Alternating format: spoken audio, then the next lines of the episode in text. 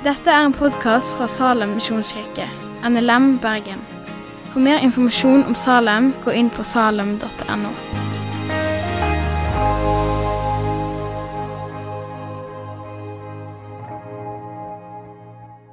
Vi skal lese fra første Korinterbrev, og det er kapittel 1, vers 18, til og med kapittel 2.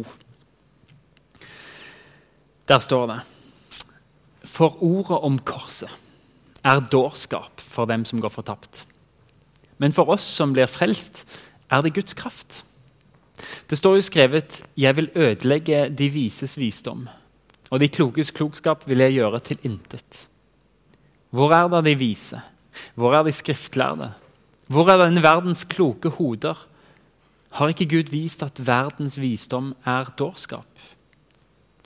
For da verden ikke brukte visdommen til å kjenne Gud i hans visdom, besluttet Gud å frelse den som tror, ved den dårskapen som vi forkynner.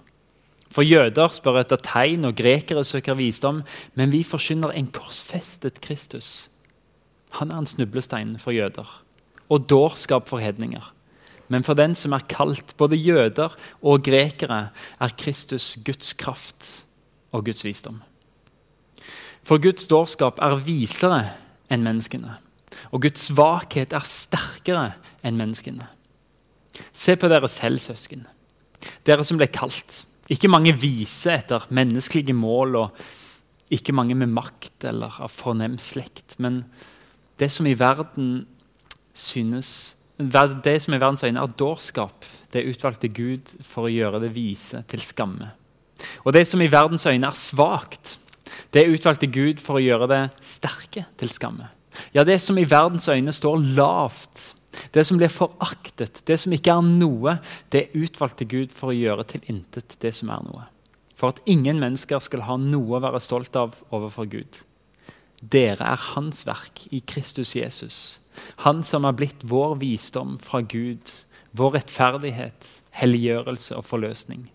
For at den som er stolt, skal være stolt av Herren, slik det står skrevet. Da jeg kom til dere, søsken, var det ikke med framreggende talekunst eller visdom jeg forsynte Guds mysterium. For jeg hadde bestemt at jeg ikke ville vite noe annet hos dere enn Jesus Kristus og Han korsfestet. Svak, redd og skjelvende opptrådte jeg hos dere. Jeg forsynte ikke mitt budskap med overtalende visdomsord, men med ånd og kraft som bevis. For deres tro skulle ikke bygge på menneskelig visdom, men på Guds kraft. Likevel forsyner vi en visdom for, er, for, de som er modne. Men det er ikke en visdom som tilhører denne verden og denne verdens herskere, de som går til grunne. Nei, vi forsyner et mysterium, Guds skjulte visdom. For tidens begynnelse hadde, Før tidens begynnelse hadde Gud bestemt at den skulle føre oss frem til herligheten. Denne visdommen har ingen av verdens herskere kjent. Hadde de kjent den, ville de, ikke, ville de ikke ha korsfestet herlighetens herre. Men som det står skrevet, det intet øye så og intet øre hørte, det som ikke kom opp i noe menneskehjerte, det som Gud har gjort ferdig for dem som elsker ham. Det har Gud åpenbart for oss ved sin ånd. For ånden utforsker alle ting også dybden i Gud. Hvem andre enn menneskets egen ånd, vet, e, egen ånd vet hva som bor i et menneske? Slik vet heller ingen annen enn Guds ånd hva som bor i Gud. Vi har ikke fått verdens ånd, men den ånd som er fra Gud, for at vi skal forstå hva Gud i sin nåde har gitt oss. Om dette taler vi med ord som Ånden har lært oss, ikke med ord som menneskelig visdom har lært oss. Det åndelige tolker vi med ord som hører ånden til. Slik menneskene er i seg selv, tar de ikke imot det som hører Guds ånd til. Det er dårskap for dem, og de kan ikke fatte det. For det kan bedømmes bare på åndelig vis. Men det mennesket som har ånden, kan dømme om alt. Og selv kan det ikke bedømmes av noen, for hvem kjente Herren sin, så han skulle gi ham råd? Men vi har Kristi sinn. Herre Far, Jesus Kristus og Hellige Ånd, jeg ber om at du skaper liv i disse ordene. Og Jesus, jeg ber om at du blir stor for oss. Amen. Guds kraft. Tenk om vi noen gang skulle greid å fange den kraften som har skapt universet, i en liten beholder. Hvis det fins en kraft som har skapt isødet i Antarktis, alle fjellkjedene, de tektoniske platene, havets kraft og vindens stille sus Hvis det fins en kraft som har lært ørnen å fly, som har gitt hesten sin styrke og skapt et univers som er i en sånn balanse med avstand og plasseringer av planeter på centimeteren som gjør at liv er mulig på vår jord. Hvor stor ville ikke den kraften vært? Og hvor mye større ville ikke den kraften vært enn vår visdom? Vi som graver litt i overflaten på det skapte, med liten forståelse og små mikroskoper. Vi kan kjenne oss små hvis vi begynner å tenke på den måten. Menneskeheten blir liten.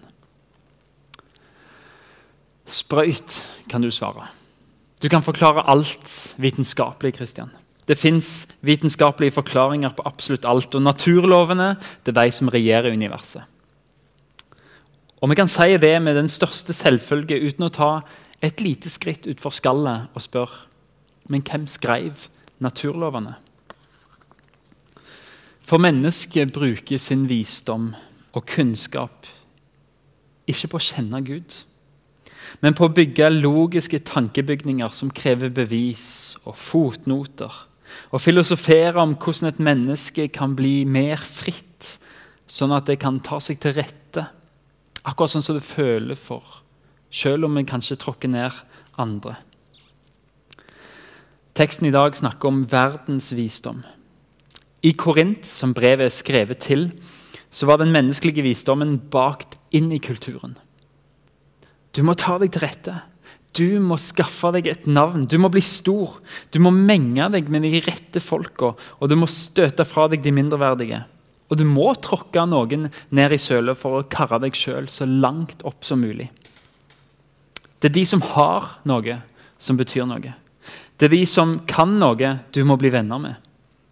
Og det er de som er noe som er verdt å følge.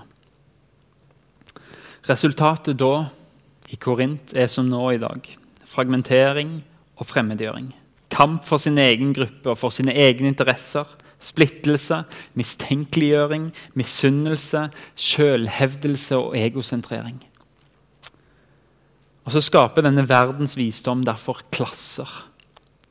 De som har blitt løfta høyt, de som ikke har. De som ikke kan og ikke er født inn i det, de blir tilsidesatt.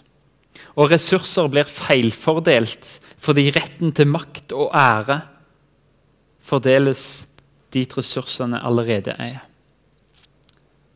Denne visdommen er dømt til å bli sin egen undergang.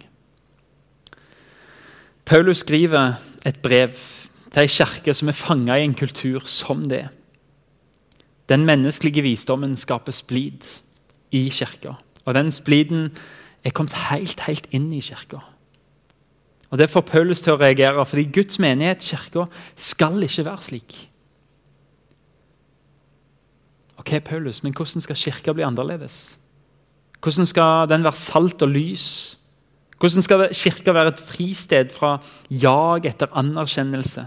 Et sted der alle mennesker stiller likt under samme kår? Sånn som vi egentlig er skapt. Paulus' sitt budskap er at det begynner med et budskap som er så stakkarslig at verden vil bare avskrive det. Et budskap som kalles evangeliet. Ordet om korset. Som helt fra starten av er blitt sett på som dårskap, og som i dag òg blir sett på som dårskap. Evangelium. Det ordet betyr gode nyheter. Og ordet ble brukt i krig om gode nyheter. Når en by var i krig ute på slettene, soldatene var ute på slettene, så satt innbyggerne i byen og venta spent på resultatet. Ble det seier til byens hær? Eller måtte de belage seg på å bli offer for voldelige soldater som hadde knust deres egen hær, og som kom for å plyndre og for å drepe og ta til slave? Og innbyggerne satt og venta i byen uten å delta i slaget. Det var det hæren som gjorde. Og Om litt så kan de se i horisonten at det kommer en ung mann springende. Han kommer med nyheter fra slagmarka. Et budskap om hva som var skjedd. Og så kom han med budskapet om at vi vant. En seier som innbyggerne ikke har bidratt til, men som de skal få lov til å leve i konsekvensen av.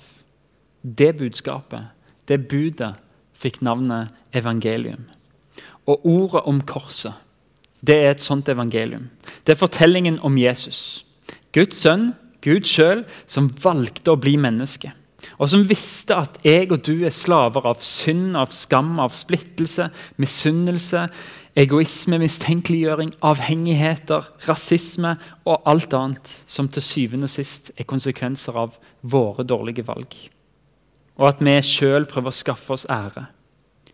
Og Gud som ble menneske, Gud som visste at disse menneskene står utenfor håpet om en himmel fordi de er syndere. Og hvis vi kommer til himmelen som syndere, så er himmelen ødelagt. Det er per definisjon ikke lenger en himmel. Vi utestenges fra det stedet uten gråt, uten smerte, uten tårer og uten død, fordi det er vi sjøl som er årsaken til det. Vi er fortapte. Men i sin store kjærlighet så drar Jesus ut i den krigen. Mot død, mot synd. Og han vinner, og han viser seg som seierherre på korset. Han tar på seg vår synd og dør for alle våre misgjerninger. Han tar vår straff, men han står opp igjen som en kvittering fra Gud, som sier jeg er fornøyd med den betalingen. Så reiser Gud Jesus opp fra de døde og sier det er godkjent. Jesus knuser døden, knuser mørket og utsletter alt som er avhengig av alt våre konsekvenser for vår synd, når han betaler bota. Den historien om korset, det er budskapet som kommer fra krigsmarken. Det er de gode nyhetene, evangeliet. Og det er gode nyheter. Det er ikke råd om hvordan du skal leve. Det er ikke kravet om det livet som du må leve for å kunne bli en kristen. Det er ikke lista over de tingene som du må ha i orden for å bli godkjent av Gud. Det er de gode nyhetene om hva Gud har gjort ferdig for de som tror på han, de som elsker han. Og vi vet det.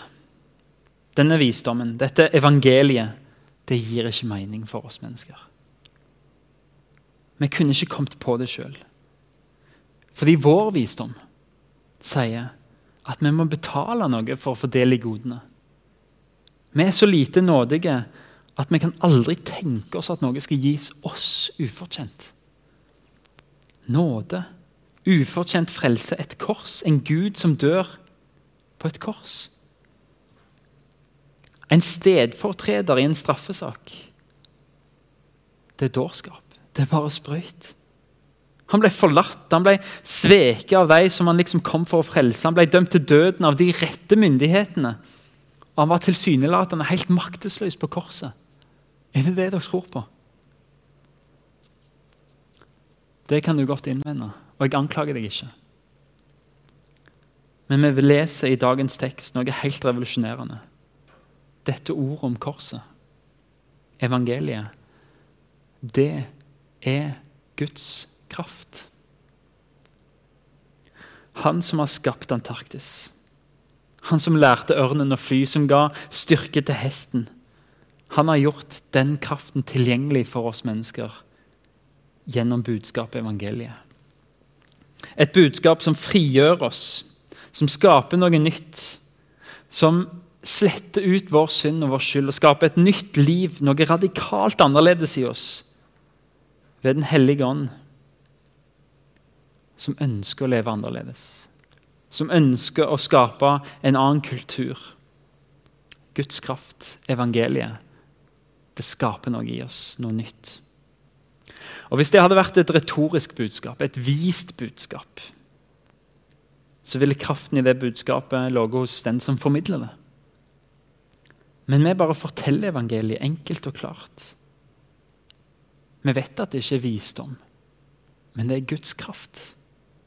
Og Dermed så er det tilgjengelig for alle. Du trenger ikke forstå noe spesielt. Et vist budskap ville krevd at vi forsto det for å være på innsida. Men evangeliet kan alle komme på innsida av ved tro.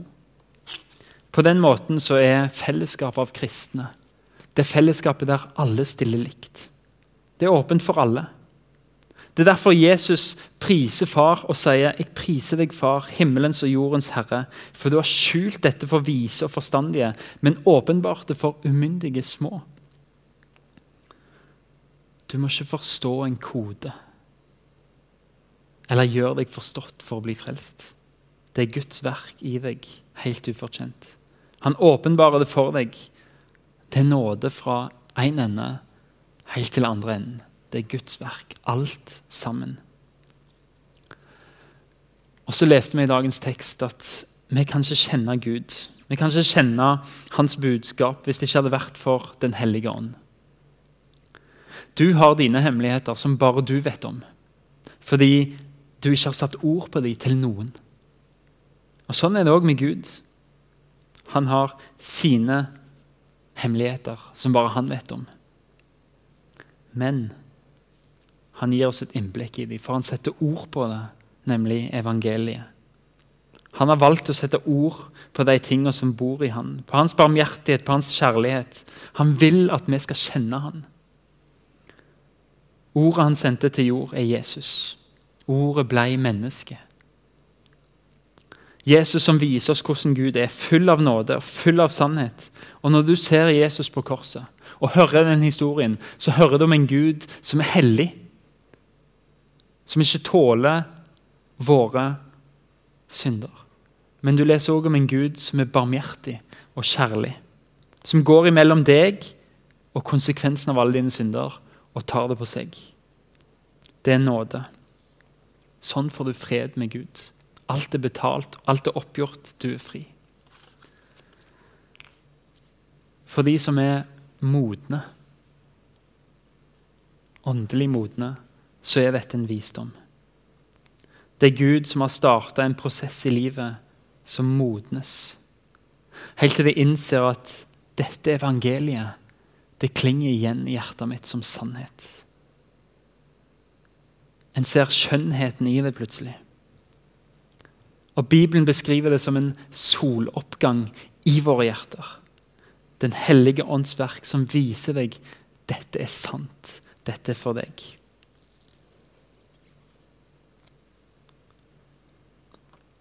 Det er med på å skape det samfunnet der alle stiller likt. Kirka.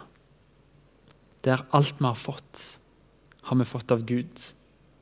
Og vi vil gjerne gi det videre på samme måte. Du trenger ikke være kirkevant for å erfare nåden. Da ville det ikke vært nåde.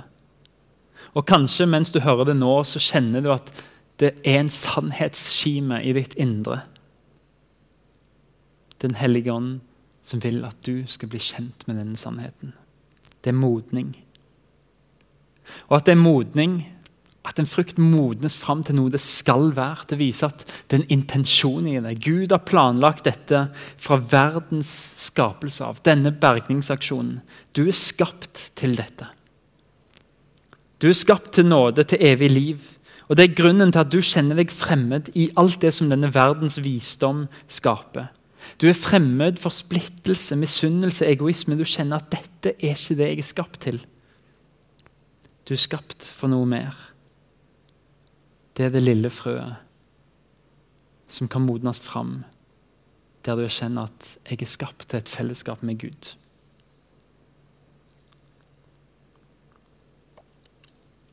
Vil du ikke gi Gud tida som det trengs? Utsette deg for ordet?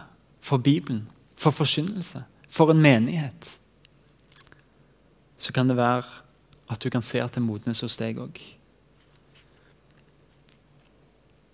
Menigheten det skal være et fellesskap av mennesker som deler vitnesbyrd om at dette budskapet det ringte en kime av sannhet i mitt indre. Og skjønnheten i å være elska ubetinga. Det traff sannhets-DNA-et vårt, og det smelte oss. Og vi innså dette er sant. Og vi trodde på det. Og erfaringen var at den tilliten til det budskapet forvandla oss totalt. Tvers mot verdens rikdom. Og faktisk så har budskapet om korset ikke gjort oss smartere. Det har ikke gjort oss mer innflytelsesrike, det har ikke gjort oss mer velstående, men det har gjort oss rettferdige, hellige og fri. Vi vant mer enn vi hadde turt å håpe på. Og så har denne troen gitt oss et fellesskap, kirka. I kirka er både rik og fattig, vis og enfoldig. Vi stiller helt likt. Vi skal slippe å posisjonere oss. Vi skal slippe å jage etter anerkjennelse i vårt fellesskap. Der kan du være trygg på at du er kjent, du er elska, du er ønska. Og vi er alle mottakere av den nåden. Og Da er det ikke rom for et hierarki. Vi har ikke gjort noe for å fortjene noen ting av det vi har fått. Det er Jesu verk i oss. Og vi ser hans visdom. Hans visdom som ligger i det å legge ned sitt liv for sin neste.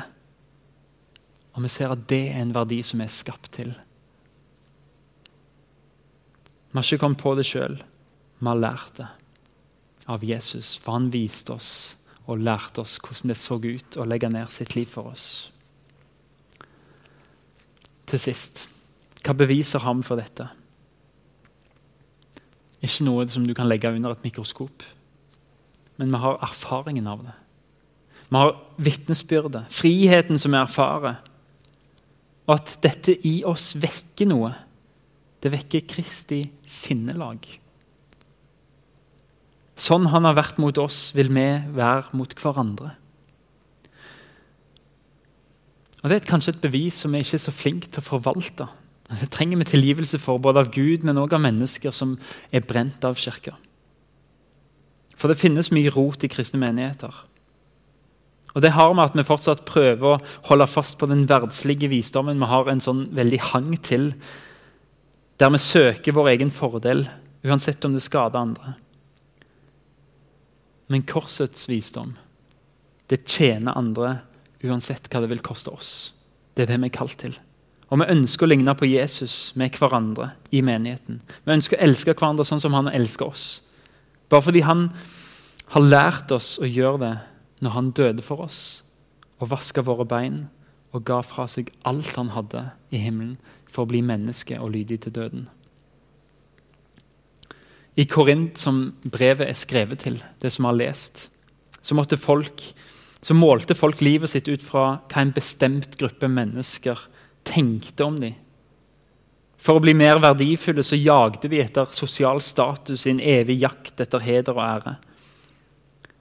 Hvis ikke så kunne vi bli sett ned på og bli regna som ingenting. Det fantes òg i kirka i Korint, og det gjør det i dag òg. Vi er ikke perfekte, men en kommentator, en historiker, skriver om første korinterbrev. Han skriver mange ble tiltrukket av den kristne troen fordi den introduserte de inn i et fellesskap som var forplikta på å se på de først og fremst som mennesker. Alle er like mye verdt. Det ga dem et rom der de kunne blomstre i frihet. Wow! Det trenger vi.